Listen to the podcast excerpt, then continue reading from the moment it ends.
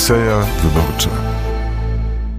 Jesteśmy na szczycie góry. Góra może niezbyt wysoka, 590 metrów nad poziomem morza, ale widok jest y, prawdziwie, pra, praktycznie 360 stopni dookoła tego miejsca. Na w pełni zielony, więc y, jak okiem sięgnąć lasy, przepiękne lasy jodłowo-bukowe, e, wyjątkowo czyste powietrze. E, niedaleko tutaj, 5 kilometrów od nas, y, bardzo fajne pasmo wzgórz połoninek arłamowskich, które przypominają nieco połoniny bieszczackie, ale nie są ani tak wysokie, ani nie mają tej formy. Natomiast jest to już blisko granicy z Ukrainą, tej naturalnej granicy fizycznej z Ukrainą, z pięknymi widokami, za połoninkami aromowskimi, nieco dalej była wieś Paportno, w której jeszcze można znaleźć e, pozostałości po cmentarzu. E, za Paportnem kolejne połoninki, połoninki tym razem arłamowskie, przepraszam, kalwaryjskie. I za tymi połoninkami kalwaryjskimi, Kalwaria Pasławska, jedno z e, najbardziej znanych sanktuariów maryjnych w Polsce, jeżeli możemy mówić o klasyfikacji, drugie po Kalwarii Zebrzydowskiej. Teren wyjątkowo cichy, spokojny powiedział Ryszard Kosterkiewicz, leśnik, którego poznaliśmy w Warłamowie, bo w Warłamowie rozpoczęła się ta nas, nasza odyseja wyborcza wspólnie z Ksenią Parmańczuk, której jest w studio. Przejechaliśmy ponad 5 tysięcy kilometrów z Warłamowa do Krakowa, Wrocławia, Łodzi, Lublina, Białegostoku, Bydgoszczy i Szczecina. I teraz będziemy chcieli Państwa oprowadzić po tej drodze i posłuchać, co po drodze mówili nasi, nasi rozmówcy. Było ich wielu Oczywiście to są tylko e, bardzo krótkie fragmenty tych rozmów. Całych rozmów mogą Państwo posłuchać e, zarówno na stronie wnet.fm, jak i na e, platformach podcastowych, a szczególnie na platformie podcastowej na YouTubie Podcasty Wnet. Znajdą tam Państwo całą Odyseję Wyborczą, a teraz zaczynamy wędrować z, tych, z tego szczytu takiego szczyciku, 590 metrów nad e, poziomem morza, zjechaliśmy do Łańcuta, Mielca i Dębica. W Dębicy, niedaleko kawiarni, właściwie przy kawiarni, robotnicy pili kawę i przeprowadziliśmy taką rozmowę. No co się w tej Polsce dzieje? No patrzy pan na nią, to tam na oko ma pan więcej niż 18 lat. No. Troszkę więcej. zejdź na No. A co się dzieje? Tak pilnie. Stasiu, zejdź Jeśli, na jeśli dół. dojdą ci y, z Berlina No, do władzy, tak to nie pilnie, będzie kto bija. No, Nie będzie dobrze. no, nie, No. no. Tyle Niemcy wykradli Polsce w czasie wojny wszystkiego. Ile ludzi stracili, dzieci, wszystkiego nakradli i teraz nie ma kto tego oddać. Tylko jeszcze chcą rządzić w Polsce oni. Takim naszym pachołkiem jak Tusk. Czyli co, nie damy? No, jakbyśmy dali, to źle robimy, nie? No to Jak nie to- będziemy dać o swój kraj, tylko o czyjąś kieszeń, a nie o swoją, no to i tak jest właśnie. Taki przedstawiciel Polski, on dbał o kieszeń Niemca, a nie Polaka. No to jest, to, to jest, to jest prawda, ale czy ci, co rządzą, dobrze rządzą, czy, czy tak sobie? Ci, co rządzą, to wie pan, każdemu można coś zarzu- zarzucić, nie? Najlepiej jest, jak jest właśnie dwie partie, czy ile jeden drugiego pilnuje. Wtedy wiadomo, że troszkę jeden drugiego pilnuje się, jeden drugiego boi. A tak jak jeden rządzi, no to robi co mu pasuje, nie? No tak, No, to jest z grubsza tak, tak wygląda. Tak to wygląda. A tylko, że mnie, mnie się nie podoba osobiście cała ta partia właśnie Lewica, Zieloni, oni u siebie w Niemczech nie znają, wszystko mają w porządku. Tak i we Francji były takie rozruby, tyle ludzi pobili. tak. I było dobrze, nikt nie interweniował. Nie, nie było, bo to jest zgodne, zgodne Zgod- z wartościami Tak jest. europejskimi. A u nas za przeproszeniem wyjdzie tako na samochód i drze się wyzywał każdego jest wszystko można. O jest, Staszek chodzi dzielisz tu pan. Staszek, panu- do, do, do wywiadu, o Polsce rozmawiamy. O, o Polsce rozmawiamy. Dzień dobry panu. No i co pan o tej Polsce myśli? No, obawiam się tych zmian częstych w Polsce. To No, ale, takie ale naprawdę. na zmian na co? Nie, Na gorsze, żeby nie było. No, a teraz jak jest? No, ja, ja No w ogóle- teraz może jest tak, no, w normie jeszcze. ale Poprawiło się trochę ale ostatnio. tu... Jeżeli są Państwo ciekawi, co powiedział e, Staszek dalej o Polsce jak dalsza przebiegała rozmowa, była e, bardzo ciekawa. Można znaleźć tą rozmowę na stronach wnet.fm. E, Mieszkaliśmy, to, był, to była Dębica, ale jak byliśmy na Podkarpaciu, to mieszkaliśmy w Łańcucie w willi Szwadron u Pawła Fangora. Jaka, jak, Kseniu, jak, jakie wrażenie na tobie i Paweł, właściciel i willa zrobiła? Dzień dobry. E, Jak tylko weszliśmy do tej willi, to pomyślałam, że jesteśmy w jakimś muzeum albo w domie, w którym wcześniej mieszkał Piłsudski. Nawet to powiedziałam na głos. E, No i była taka tajemnicza atmosfera, były mapy, e, mapy Polski stare, różne obrazy, zdjęcia. No naprawdę niesamowite.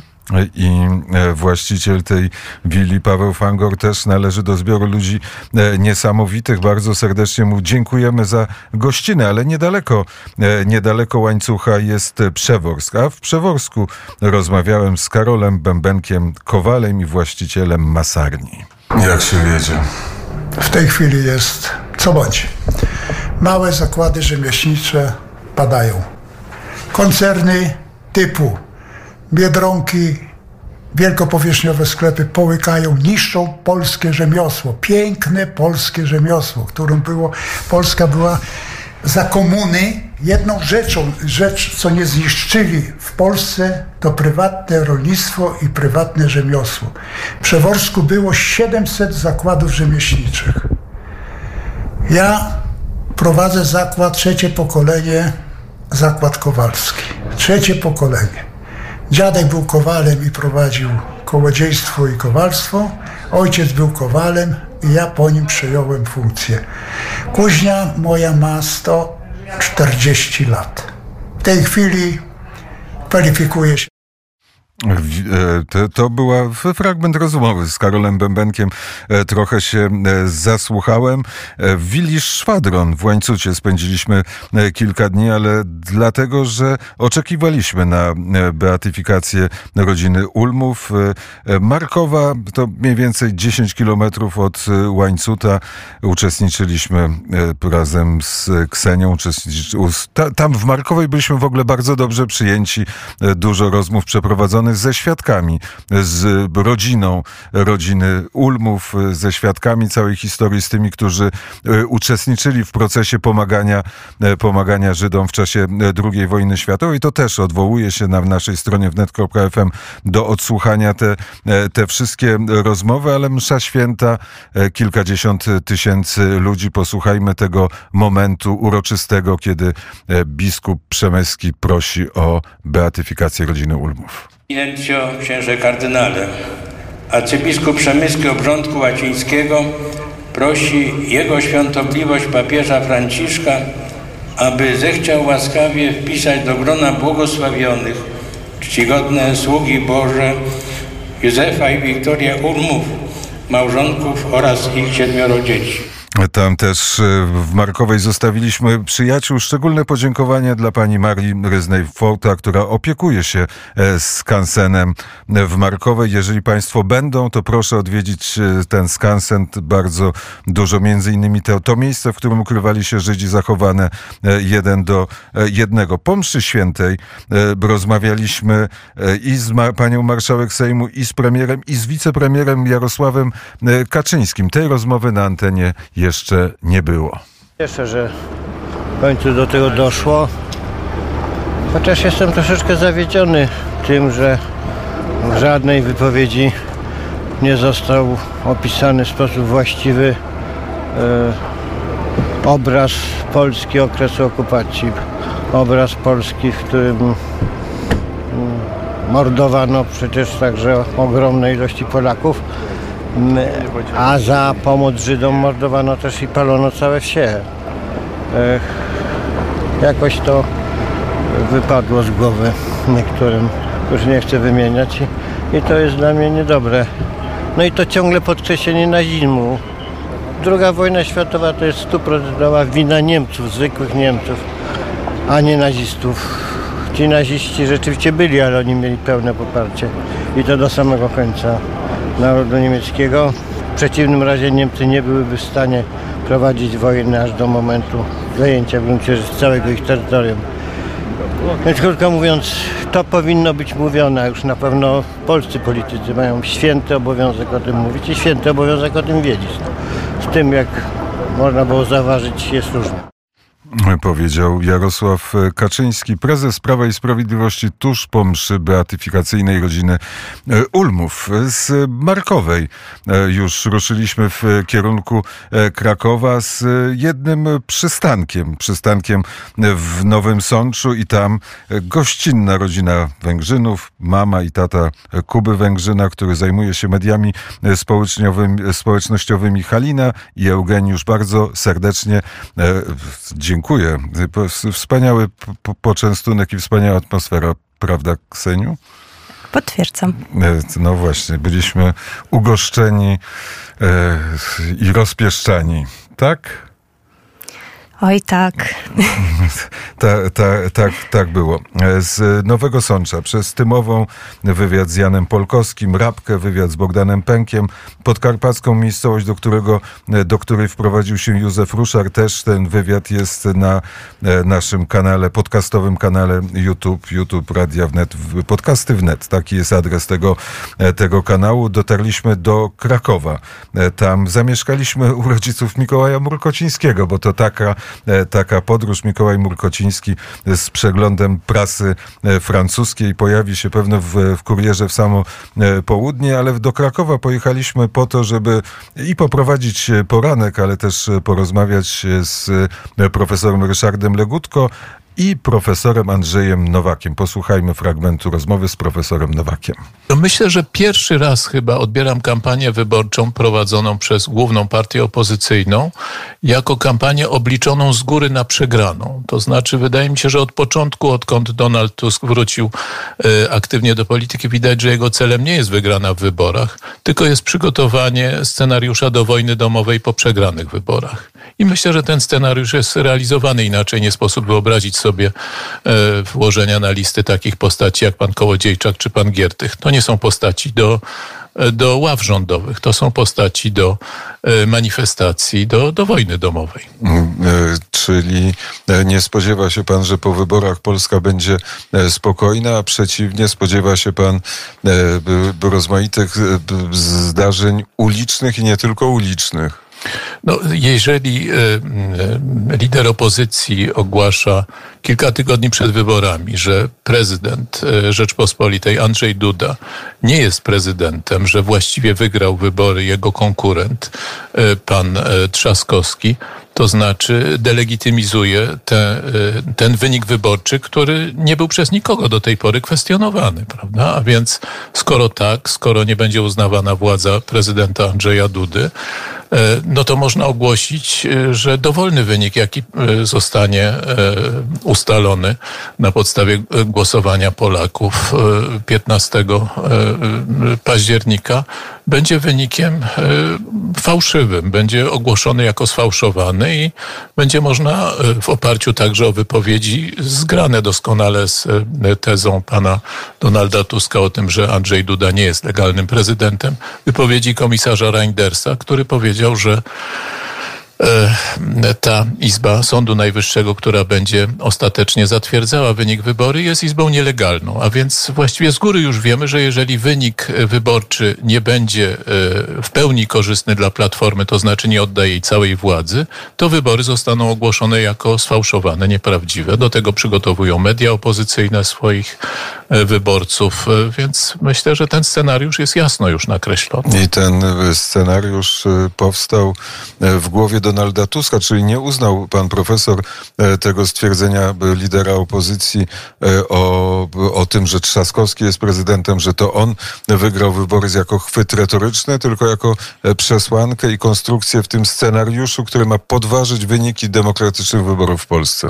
Znaczy, ani bym nie chciał przeceniać, ani nie doceniać E, głowy e, przewodniczącego Tuska. E, myślę, że daleko posuniętym przejawem przeceny tej głowy byłoby sugerowanie, że plan na wybory w Polsce powstał w tej głowie. Myślę, że on powstaje gdzie indziej. Natomiast absolutnie niedocenieniem tej głowy było twierdzenie, że taka nielegalności prezydenta Dudy została rzucona przez przypadek, nie była przemyślana przez, przez przewodniczącego Koalicji Obywatelskiej. Była przemyślana, ona ma sens polityczny. I wybrał, wybrał moment na ponad miesiąc przed wyborami, żeby dalej prowadzić retorykę, która ma być retoryką w, ty, w tym stylu, bo tak jak powiedział pan profesor, uważa pan, że Donald Tusk już wie, że tych wyborów nie wygra?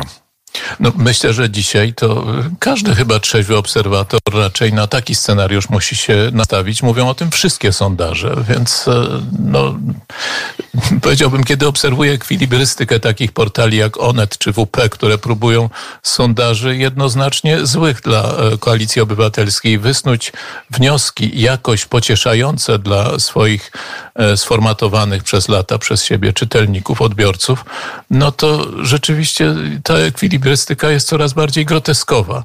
Już się mówi o tym, że no jednak koniecznie trzeba będzie wyciągnąć trochę posłów z Konfederacji, jeszcze kilka tygodni temu mówiło się o tym, że Konfederacja to jest po prostu zło wcielone i, i, nie wolno z Konfederacją w żaden sposób rozmawiać. Z Konfederacją, z faszystami, z Konfederacji będzie układał się PiS, a teraz już mówi się o tym, że no nie, znajdzie się paru przyzwoitych, może parunastu przyzwoitych z Konfederacji, którzy pójdą z nami i nareszcie obalą PiS. No, powiedziałbym, zdolność adaptacyjna tych mediów do zakłamywania rzeczywistości jest nieograniczona, ale ostatecznie skonfrontować się z rzeczywistością będzie trzeba albo na ulicy, albo przy pomocy zagranicy, a raczej jedno i drugie powiedział profesor Andrzej Nowak i przypomnę Państwu, znaczy powiem Państwu, że ten wywiad z profesorem Andrzejem Nowakiem był, e, przeprowadziłem albo 14, albo 15 września, więc od tego czasu upłynął miesiąc i to była, to była wypowiedź, która, analiza, która była przeprowadzona wtedy, a wtedy też, kiedy przyjechaliśmy do, do Krakowa, było bardzo duża uroczystość na Zamku Królewskim na Wawelu. E, otwarcie wybrazy, wernisaż, otwarcie wybrazy, obraz Złotego Wieku. Ta wystawa o Jagielonach, o Złotym Wieku Rzecz, pierwszej Rzeczpospolitej e, cały czas jest i jest bardzo e, ciekawa, więc jeżeli Państwo pojadą do Krakowa, to proszę pójść na Wawel i zobaczyć, i zobaczyć wspaniałą wystawę, którą przygotował między innymi profesor Andrzej Betlej. To chwilka refleksji jeszcze jest potrzebna, bo rzeczywiście w momencie, kiedy wyjechaliśmy z Warszawy, to pojechaliśmy do Radomia i tam z Janem Łopuszańskim rozmawiałem o i polityce polskiej, i geopolityce, bo pan Jan Łopuszański żyje geopolityką i żyje tymi wszystkimi nieszczęściami, które mogą przytrafić albo przytrafiają się światu. I jeszcze jedna refleksja, Ksenia mi zwróciła uwagę, że być może za mało e, poświęciłem uwagi Markowej, bo rzeczywiście Markowa była pełna dostojeństwa. W oczekiwaniu na beatyfikację rzeczywiście wszyscy e, w Markowej, oczywiście wszyscy tym żyli, wszyscy byli przyjacielscy, uśmiechnięci, bardzo sympatyczni, a potem od w dzień beatyfikacji, czyli 11 września, od północy przez całą noc szli pielgrzymi. Markowa jest mała, musiała przyjąć kilkadziesiąt tysięcy pielgrzymów, były rozmaite obawy, wszystko było świetnie zorganizowane i ta msza robiła wrażenie. Naprawdę bardzo wielkie wrażenie robiła, ale też y, na co zwróciłam szczególną uwagę, to właśnie na atmosferę, która y, towarzyszyła całej beatyfikacji, y, na radość ludzi, mimo tego, że okoliczności są jednak, no to jest tragedia, tak, ale mm, ta duma i w ogóle wszystkie uczucia ludzi po prostu były piękne i każdy się tym dzielił i wspólnie przeżywaliśmy tą uroczystość w Krakowie byliśmy e, w piątek, a potem po piątku, jak Państwo wiedzą, niezależnie od wyborów, po piątku jest e, sobota. A sobota jest takim dniem, w którym e, może, może taka ekipa Odysei Wyborczej chwilę odpocząć i odpoczywaliśmy w domu u Marcina Elitki Pospieszalskich. Było bardzo miło, ale tam też powstało takie oto nagranie.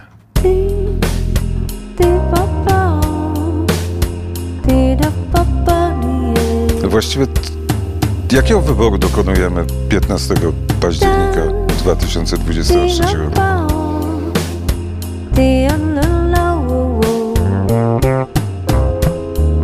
15 października 2023 roku. Właściwie jakiego wyboru dokonujemy 15 października 2023 roku?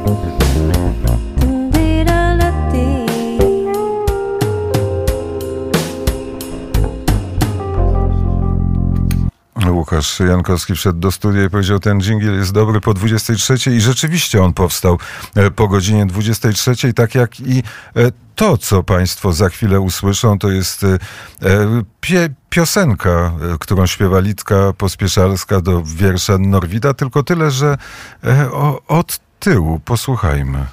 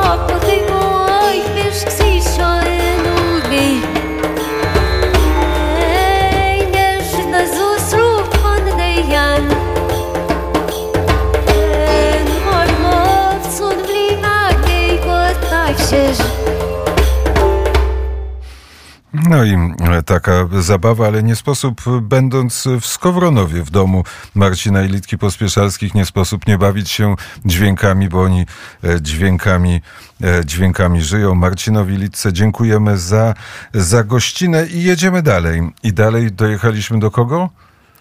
Do, Do- Pawła Kukiza. E, Tak, e, to był późny wieczór. Paweł e, Kukis e, przyjechał po wielkich i ważnych dla niego uroczystościach. Został odznaczony medalem przez Światową Organizację, Światowe Stowarzyszenie Armii Krajowej. Psy, duże psy, pszczoły i co jeszcze? Fotowoltaika. I fotowoltaika, to wszystko w domu Pawła Kukiza, który będzie dzisiaj na żywo gościem po godzinie 16. I to już Łukasz Jankowski z nim porozmawia, a my posłuchamy fragmentu rozmowy z 18 albo 17 września. A ja wrócę na moment do tej, do tej fundacji, do tych pieniędzy w takim razie, e, które są potrzebne. Powinno być ich dużo więcej. Jest 4 miliony na edukację obywatelską. A jaką cenę za to płacisz? Cenę, cenę e, taką osobistą, bo e, idziesz do sklepu, pewno ludzie czytają gazety, czytają portale informacyjne i patrzą na ciebie i mówią, o, kukiz bogaty, milioner No, Patrzą, idzie. na, patrzą na mnie cza- czasami tak, jakbym przyszedł do tego sklepu, żeby mleko zakosić jeszcze na dodatek.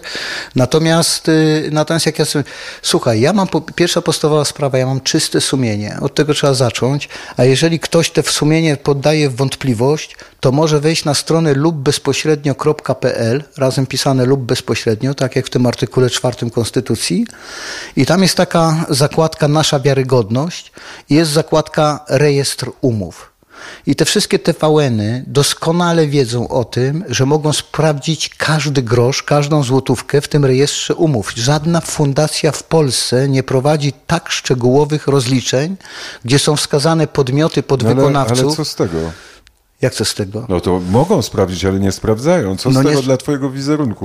Nic Ale, ja nie, nie ale słuchaj, gdybym ja, posz, gdybym ja chciał, gdybym sensem mojego życia był mój wizerunek, to ja bym został na scenie przecież, a nie szedł w- w bagno, które samo pójście tam jest już zepsuciem wizerunku. Od tego trzeba zacząć. To ja wracam do, do tego stołu, który jest w twojej bibliotece.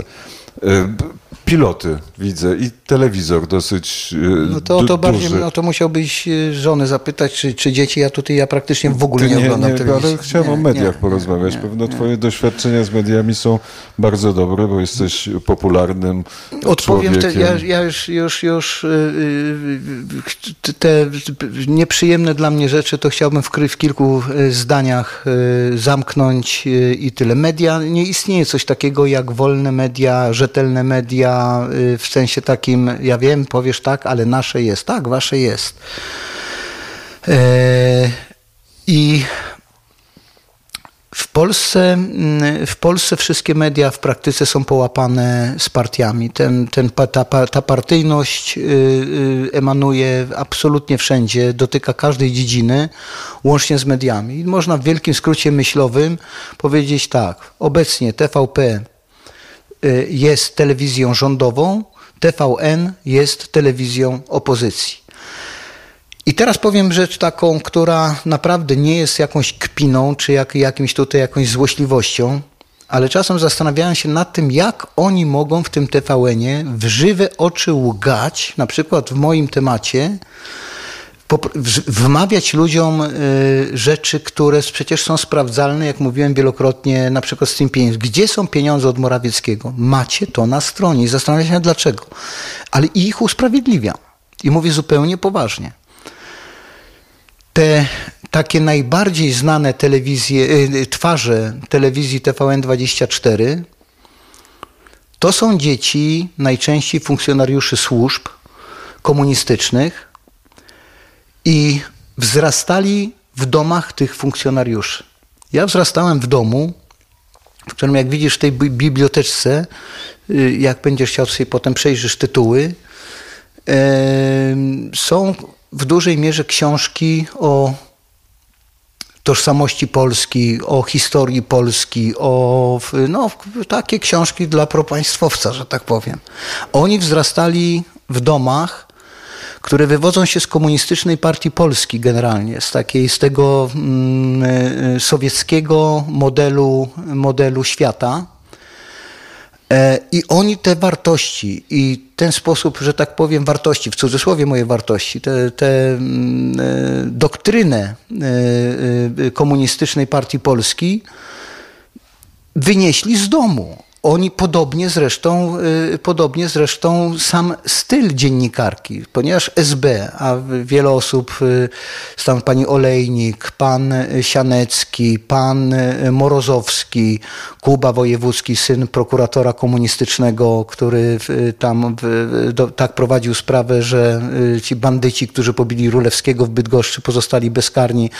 To są ludzie, którzy wzrastali w domach o no o tej właśnie mówię, tej, tej komunistycznej e, e, mentalności, manipulacji, e, propagandy, gdzie w największym skrócie siła propagandy, czy jak gdyby taka na- naczelny rys propagandy polega na tym, żeby z, ze złodzieja zrobić człowieka uczciwego, a z człowieka uczciwego złodzieja. To są stare ubeckie metody. Oni to wynieśli z domów, po prostu w swojej mentalności i w swojej, niosą to ze sobą w genach po prostu. Ja mówię to zupełnie poważnie, nie chcąc nikogo urazić. Dlatego y, mówię, no w jakimś sensie ich usprawiedliwiam. Mało tego, oni są pewnie przekonani również o swojej takiej wyższości. Oni nagle coś utracili, oni chcą to odzyskać. Powiedział Paweł e, Kukis, numer jeden na listach Prawa i Sprawiedliwości w, w Opolu. E, Całego wywiadu, będę to powtarzał, mogą Państwo posłuchać na platformach podcastowych Radia Wnet, na YouTubie podcast Wnet i oczywiście na naszej stronie wnet.fm. Złosiowa do Wrocławia. To wcale nie jest tak daleko, kilkadziesiąt, e, kilkadziesiąt kilometrów, a tam pierwsza noc w hotelu Active z bardzo nowoczesnym zaplecem dla e, koszykówki, a druga w dworze polskim i przy okazji tej drugiej dla podziękowania dla pani Pauliny Doroty Dziąsko. Wspaniałe miejsce w samym sercu Wrocławia na rynku Dwór Polski i tam e, to też wspaniałe opowieści, opowieści o, o Dolnym Śląsku. Do tych opowieści może kiedyś uda nam się wrócić, ale teraz posłuchamy fragmentu rozmowy z właścicielem RUF, RAF Plugu. To jest duża, globalna fabryka. Jej właścicielem jest Radosław Kölner e, i z nim porozmawiałem o gospodarce i globalizacji globalizacja się skończyła i, i, i, i, trzeba się zachowywać adekwatnie do procesów deglobalizacyjnych, które przypuszczam w ciągu najbliższych kilkunastu lat się będą pogłębiać, a nie, a nie e, spłyc, powiedzmy nie, mm, jakby nie cofnie to, e, tego procesu się już do tyłu. No i, i staramy się adekwatnie zachowywać do tak zwanych driverów, czyli tego, co niesie, to, co się będzie dużo szybciej rozwijać, nawet na trudnym rynku ekonomicznie i patrzymy się na, na tak zwane E, mm, w przeszkody czy dysruptory e, e, w jakby rozwoju firmy.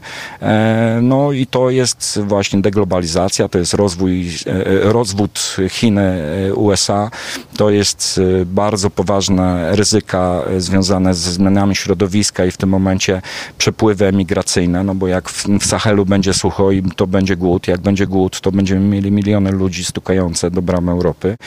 Także tych, tych dysruptorów na świecie jest, jest e, kluczowych jest około 8, bo też inflacja, też dysruptory ekonomiczne, bardzo poważne ryzyko na, na e, jakby kryzys ekonomiczny w Stanach. E, to, to jest chwila przed recesją, bardzo poważną światową to, to będą, to, to, to są te rzeczy, które mnie bardziej przerażają niż jakieś przeszkody tutaj wewnątrz. Prowadząc biznes w kilkudziesięciu krajach na całym świecie, uważam, że jeszcze prowadzenie biznesu w Polsce jest, jest e, można prowadzić godnie, uczciwie i, i e, liczyć na to, że system nie będzie podkładał nóg, aczkolwiek on także nie pomaga w żadnym stopniu. Pomimo wiele, e, wielu zapewnień środowisk, powiedzmy, mm, czy rządowych, czy, czy, czy związanych z władzą wykonawczą w Polsce, jest to, jest to, jest to bardzo skomplikowane, żeby, żeby mm, udało się przedsiębiorstwo o tej skali globalnej, powiedzmy, uzyskać jakąkolwiek pomoc. My nie korzystamy z żadnych dotacji, z, żadnych, z żadnej pomocy. Liczymy na siebie po prostu. Powiedział właściciel dużej fabryki we Wrocławiu, RAF Pluk, pan Radosław Kölner. Z Łodzi, w, z Wrocławia wprawdzie przez Warszawę, ale pojechaliśmy do Łodzi, tam e, gościna Grzegorza i Barbary Grzelaków w Nowej Gdyni też bardzo ładne miejsce, warto je odwiedzić. A tam przy pomniku Artura Rubinsteina rozmawiałem z byłym bramkarzem, ale teraz kandydatem do Senatu, panem Janem Tomaszewskim. Tak, zdecydowałem się. Dlaczego? Dlatego, że uważam, że w Senacie jest bardzo dużo do poprawy. Mianowicie co? Nie może być tak, że e, senatorzy nie uchylają immunitetu, kiedy prokuraj, prokuratura chce im postawić zarzuty. Nie może tak być. Od tego jest sąd. Sprawa druga. Nie może być tak, że europosłowie, senatorowie, niektórzy, niektórzy posłowie nie tylko głosują, ale i mówią przeciwko narodowi polskiemu. Bo takie sprawy mieliśmy w przypadku Turowa, w przypadku KPO i w przypadku e, relokacji. Czy oni uważają, że takim postępowaniem ukar ukarają tylko wyborców PiSu? Nie, cały naród. A zapominają o jednej rzeczy, że trzy rzeczy są niepowtarzalne w życiu każdego człowieka. Moja matka, moja ojczyzna i ja. Na ojczy ojczyzna jest po prostu świętością powiedział Jan Tomaszewski, a przy okazji e, przypomnimy, że 17 e, października 50 lat upłynie od największego sukcesu polskiej reprezentacji w piłce nożnej, czyli od remisu na Wembley, która otworzyła drużynie Kazimierza Górskiego e, drogę na szczyty czyli po trzecie miejsce na Mistrzostwach Świata, które były wtedy w Niemczech, w Monachium. Przegraliśmy z Niemcami 0-1, ale ten mecz w deszczu wszyscy, którzy mają tyle lat co ja albo więcej, e, doskonale e, pamiętają. Z Łodzi do Lublina, a jeszcze Łódź. Hubert Beckrecht. Jemu należą się podziękowanie. On był naszym oprowadzaczem po e, polityce e, łódzkiej i po, zresztą po, po, po Łodzi. Zawsze tak jest, kiedy przyjeżdżamy do Łodzi z dziennikarzem Polskiej Agencji Prasowej, byłym dyrektorem telewizji łódzkiej. Spotykamy się i on nas wtajemnicza w rozmaite arkana łódzkiej polityki, a w Łodzi dzieje się tak samo dużo zresztą jak w Lublinie. Ale w Lublinie wieczorem poszliśmy do e, kina na film Agnieszki Holland razem z Bernardem Nowakiem i potem po filmie poprosiłem Bernarda Nowaka o recenzję. Jeśli chodzi o, o formę tego filmu, to wydaje mi się, że jego e, słabością jest to, że jest zawieszony pomiędzy reportażem a filmem fabularnym. Yy, I to mm, takie trochę jest, no, ni pies, ni wydra. A jeśli chodzi yy, o głównych bohaterów, czyli tych nieszczęsnych, nieszczęsnych migrantów, no, są przedstawieni tutaj jako ofiary i oni są, byli ofiarami i są y, godni współczucia.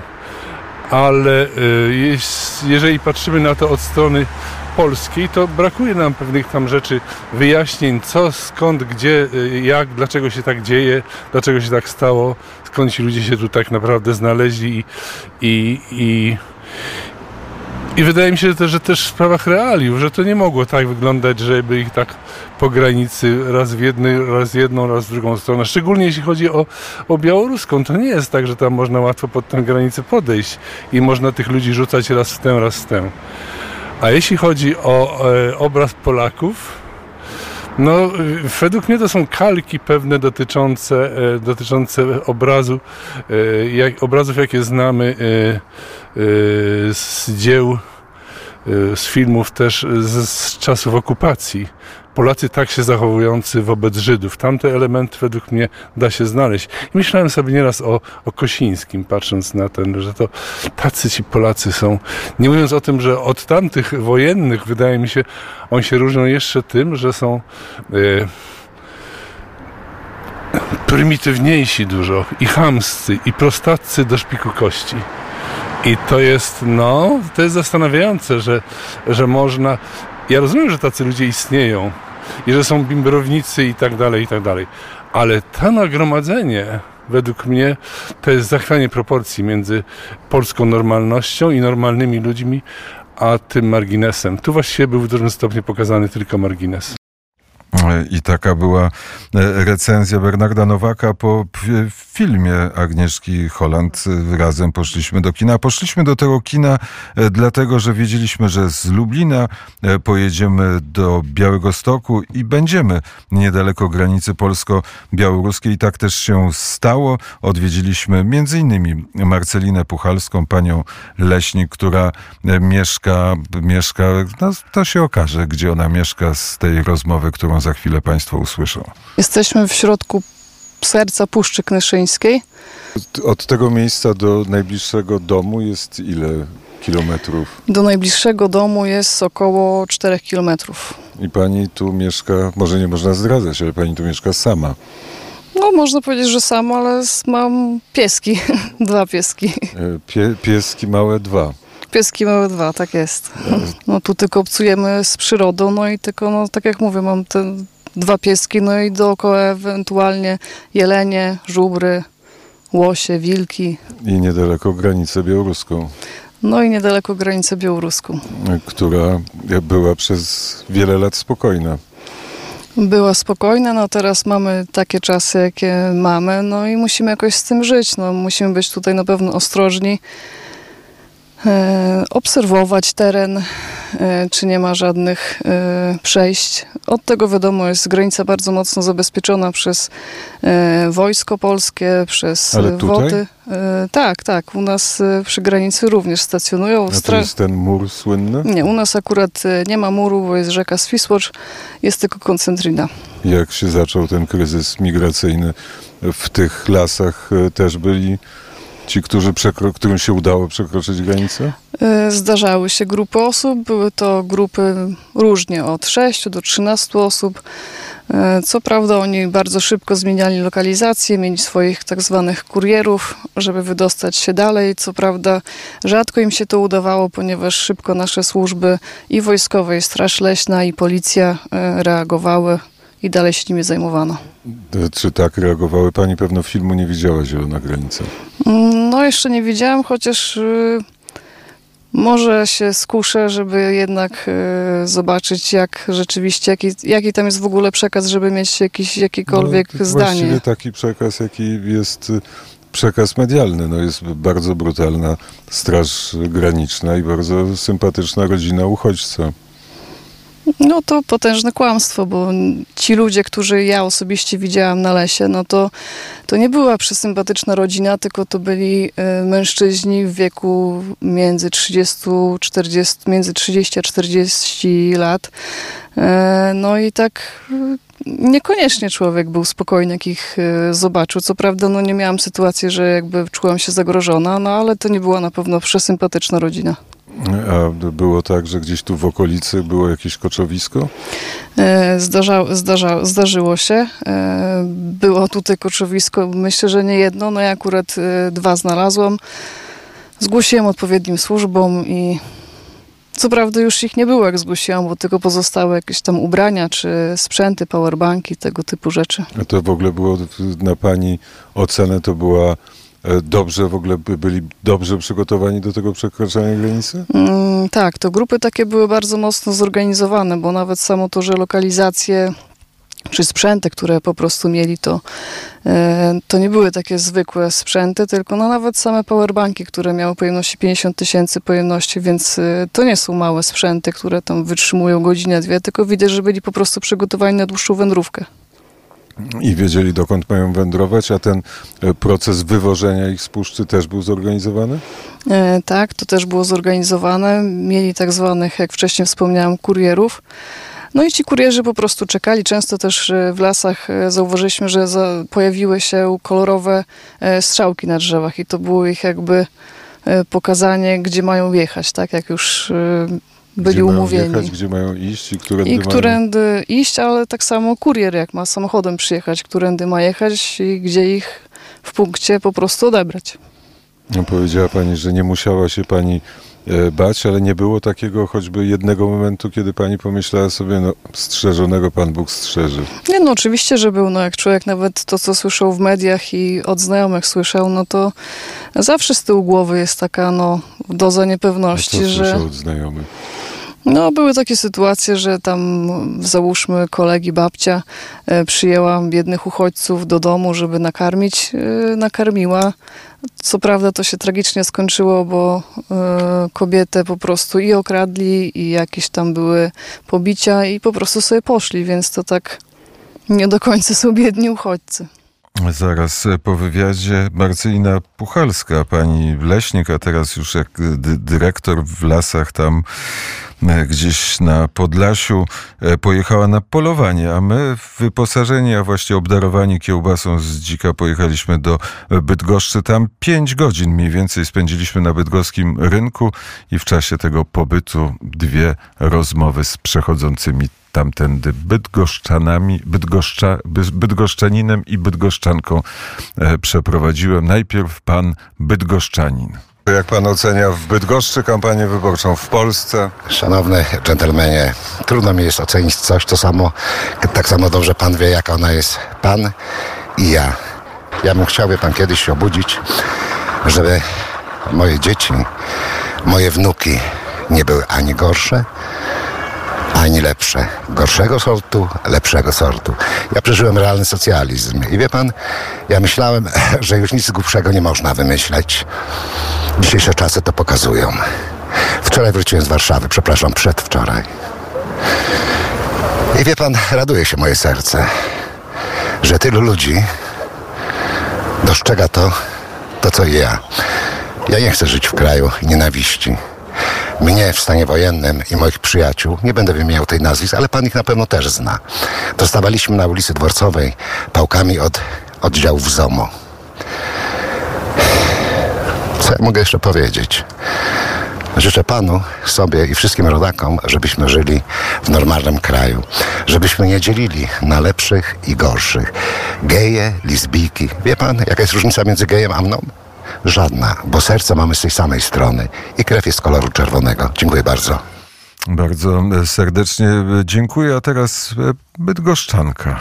Ma Pani jakąś myśl na temat kampanii? Brutalna jest chyba trochę. Brutalna z jednej... z- Się- W sensie, wie pan, nienawidzę jak się jedni na drugich, że tak powiem, obgadują, gadu, gadają bzdury, a powinni razem, razem, razem, razem, razem. E, Czyli by Pani e, chciała wrócić do 2005 roku, kiedy mówiono o popisie.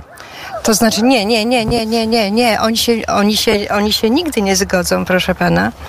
Ale nie lubię takich właśnie, wie pan co, najazdów jedni na drugich. To mnie, to mnie najbardziej denerwuje, że jeden Polak na drugiego potrafi w ten sposób najeżdżać. O, tu na naszej terenie, na nasz, w naszej ojczyźnie. To jest najgorsze. No nie ma tego pojednania. No niech pan zobaczy, co się dzieje w rodzinach. No nie można usiąść, porozmawiać, bo jedni są i to dochodzi do kłótni. Naprawdę to nie jest jakieś tam takie, tylko a ty tam nie masz racji czy coś. Nie, to są, to są poważne sprawy. To są polityka podzieliła polityka podzieliła wszystkich ludzi. Bo gdyby nie było tej polityki tak udostępnionej dla wszystkich, podejrzewam, że ludzie by się dogadali sami. Mieszkańcy, ludzie, w mniejszych miejscowościach na pewno jest inaczej. W większych, no nie znamy się w większych miejscowościach, ale uważam, że byłaby taka, taka jedność. Ale ta kampania, no, no, no wie pan, ja jestem też z rodziny podzielonej. Ja nie powiem, że ja kocham PiS, bo e, nie jestem fanką rozdawnictwa. E, Mojej córce, która miała prywatną inicjatywę, zabierali po to, żeby mi dać większą emeryturę, znaczy dodatki, te wszystkie, wie pan, tam te trzynastki, nie trzynastki, no to z czego biorą? Przecież nie ze swojej kieszeni, bo oni nawet guzika nie wyprodukują. Tylko biorą od nas. To mnie najbardziej wkurza, ale z drugiej strony, no, reszta mojej rodziny za tym owczarkiem niemieckim, jak leci, to, to aż, wie pan, nogi się uginają. Bo nie wyobrażam sobie, żeby, żeby to tak się zakończyło jego zwycięstwem. Nie jestem za, ale nie, nie, nie, nie wyobrażam sobie zwycięstwa tych owczarków niemieckich. No i tak, na jednym bydgoskim rynku dwie opinie. Polska jest podzielona, o tym doskonale wiemy, a my z Bydgoszczy e, pojechaliśmy do Szczecina. Szczecin był takim ostatnim albo przedostatnim, bo dziś Warszawa jest ostatnim miejscem naszej Odysei e, wyborczej, czyli Szczecin. A Szczecin to wiadomo, że to są porty i stocznie, stocznia Wulkan, która, e, któ- która jest w miejscu, kiedyś, gdzie kiedyś była stocznia szczecińska, rozwija się, porty, nowe inwestycje, pogłębiony tor e, do e, Szczecina w, Świnoujściu, wielkie prace, port kontenerowy po drodze Police, tam też e, duża inwestycja, która kilka miliardów złotych kosztowała, to z kolei chemiczna, czyli chem, chemia, duża chemia, o tak to nazwijmy. I byliśmy w stoczni remontowej Gryfia i tam rozmawiałem o historii z Krzysztofem Zarębą, prezesem stoczni Gryfia. Posłuchajmy fragmentu. Mord na Stoczni Szczecińskiej, tej dużej, teraz mówimy chwilowo nie o Gryfi, był wykonany w Szczecinie dwa razy. Pierwszy raz 2002 rok SLD, piechota Miller, yy, aresztowanie yy, zarządu Krzysztofa Piotrowskiego, niewinnych ludzi. Proszę sobie wyobrazić, że była taka sytuacja, że ministrowie konstytucyjni, mówię Kacz, Kaczmarek i Piechota, dyskutowali, bo są na to dokumenty się przecież zachowane, wyszły w procesie Krzysztofa Piotrowskiego. Uniewinionego zresztą, który z naszych podatków miał zapłacane słusznie dla niego odszkodowanie, to tak na marginesie, że takich dwóch ministrów konstytucyjnych y, naradzało się, jak legalnych właścicieli, udziałowców firmy pozbawić ich własności. A wie pan o co, o co poszło? Nie chodziło o to, że oni się wyłożyli na chemikaliowcach, bo zrobili te chemikaliowce, które do dzisiaj zresztą chodzą i to są takie Aston Martiny, jeśli chodzi o statki. Nie chodziło o, o to, że nie było pieniędzy, bo położono firmę, która miała 680 milionów żywej gotówki na kontach. Chodziło o to, nie chodziło o bazę paliwową, którą przejął baron SLD były Jędykiewicz. Nie o to chodziło, to był bryloczek do kluczy. Chodziło o to, panie redaktorze, proszę państwa, że Krzysztof Piotrowski i Porta Holding, zbudowany cały holding wokół Stoczni Szczecińskiej z dywersyfikacją na biopaliwa, na, na inne działalności, notabene w Papenburgu w Niemczech istnieje model, na modelu Piotrowskiego zbudowany mniejszej skali holding stoczniowy i to był jedyny przykład transportu czy eksportu polskiej myśli przemysłowej, or, organizacyjnej po 90 roku z Polski do Niemiec. Piotrowski chciał zbudować gazoport w Policach, bo tam Porta Holding miała swoje nabrzeże. Z kim? Z ExxonMobil, z Amerykanami. I wtedy, w, w, pamięta pan tą książkę, zna pan Długie ramię Moskwy i wtedy WSI weszło do akcji. I, z, I wtedy położono, zrobiono, że jest z nich złodziei, położono to firmę 161 statków, panie redaktorze, wybudowanych. Modernizacja stoczni 250 milionów dolarów własnych środków, te nowe pochylnie, te suwnice duże, tu na widzimy jej fragment, to to wszystko było wtedy zrobione. Najnowsza cynkownia malarnia. Jest do dzisiaj na YouTubie mój film, Senator Stoczni z 2011 roku, kiedy idę z Krzysztofem Piotrowskim, z Andrzejem Szczebońskim, głównym byłym technologiem stoczni. Dwóch jeszcze technologów mamy, pracuje tutaj inżynierów, którzy wyszli spod ręki Piotrowskiego u mnie w Gryfi. Świetni fachowcy. I idę i pokazuję, pokazuję, idziemy całym ciągiem od cięcia blach wstępnego aż do pochylni, która była zalana wodą. Cynkownia najnowsza i malarnia fragmentów kadłub wygląda tak, jakby po nich sowiecka armia przeszła. Tak to wyglądało za czasów Tuska. Potem, potem SLD, za SLD na końcówce rządów otworzono, zrobiono tak zwaną stocznię nową, ale ona już była tylko cieniem samej siebie. No i co? I towarzysze z nadania yy, yy, rządu SLD przyszli i z czego zrezygnowano między innymi? Z klauzul walutowych. No przecież w całym biznesie morskim, nie tylko portowym, ale stoczniowym, oparcie się na parytecie dolara jest podstawowym. No to jak można w kontraktach wykreślać parytety yy, walutowe? No jak? No i potem się okazało, oczywiście że Niemcy wydali Befehl, czyli rozkaz, Herr Tusk wykonał. W tym czasie, kiedy Tusk wykańczał stocznie, że niby niedozwolona pomoc publiczna, gdzie nawet wliczono za czasów Porty Holding, gdzie tam dolara nie było żadnej pomocy, w ogóle nigdy nie było pomocy, ponieważ za czasów Stoczni Nowej to wyglądało tak. Mały skrót. Korporacja Ubezpieczeń Kredytów Eksportowych udzielała gwarancji na papierze. Dlaczego? Bo była taka sytuacja na rynku, że armatorzy wpłacali do 49% wartości statku. Czyli jak masowiec kosztował około 60 milionów dolarów, to 29 milionów wpłacali. Tylko stocznia, ponieważ była po tym przepraszam, morderstwie dokonanym na porcie holding niesamodzielna finansowo, no to musiała mieć tą gwarancję, bo by, bo by te pieniądze przez szybę widziała. No kuki dawało, ale to na papierze, bo pieniądz fizycznie był wpłacony przez armatora. I rząd Tuska wliczył to jako pomoc publiczną i wychodziło, że masowiec, który razy dwa, bo jeszcze była gwarancja wykonania dobrego kontraktu, czyli on to dublował, czyli 29 razy dwa, czyli wychodziło na to, że masowiec nie kosztuje 160, tylko 120 milionów dolarów. No taki myk był. A w tym czasie Niemcy, coś czego nie ukrywali, wpakowywali przez landy i przez budżet federalny, wpakowali w postenerdowskie stocznie 970 milionów euro, prawie miliard euro. Y, pamiętam jak dziś, Frankfurter Allgemeine Zeitung z 11 czerwca y, 2010 roku wywiad z prezesem jednej ze stoczni niemieckich, chyba z Wolgast Schwerin, ale to bym musiał sprawdzić, bo to nie pamiętam dokładnie z której. Mówi, cytuję, pomoc rządu Niemiec plus decyzja rządu polskiego o likwidacji polskich stoczni bardzo ułatwiły mi zadanie. Dziękuję, nie ma więcej pytań. Powiedział Krzysztof Zaręba. Oczywiście cały wywiad, bardzo ciekawy wywiad na stronach wnet.fm i na naszych platformach podcastowych, między innymi na na YouTubie podcasty wnet. Tam wiele jest podcastów z Ksenią Parmańczuk. Przejechaliśmy ponad 5000 kilometrów. Czy czułaś się bezpiecznie jadąc przez Polskę? Tak, bo pan redaktor jest doświadczonym kierowcą, aczkolwiek mieliśmy kilka sytuacji niebezpiecznych trochę, ponieważ te kręte drogi na Podkarpaciu były takie to, to, zawiłe. To prawda i nie do końca działał hamulec ręczny, ale jakoś sobie z tym poradziliśmy szczęśliwie.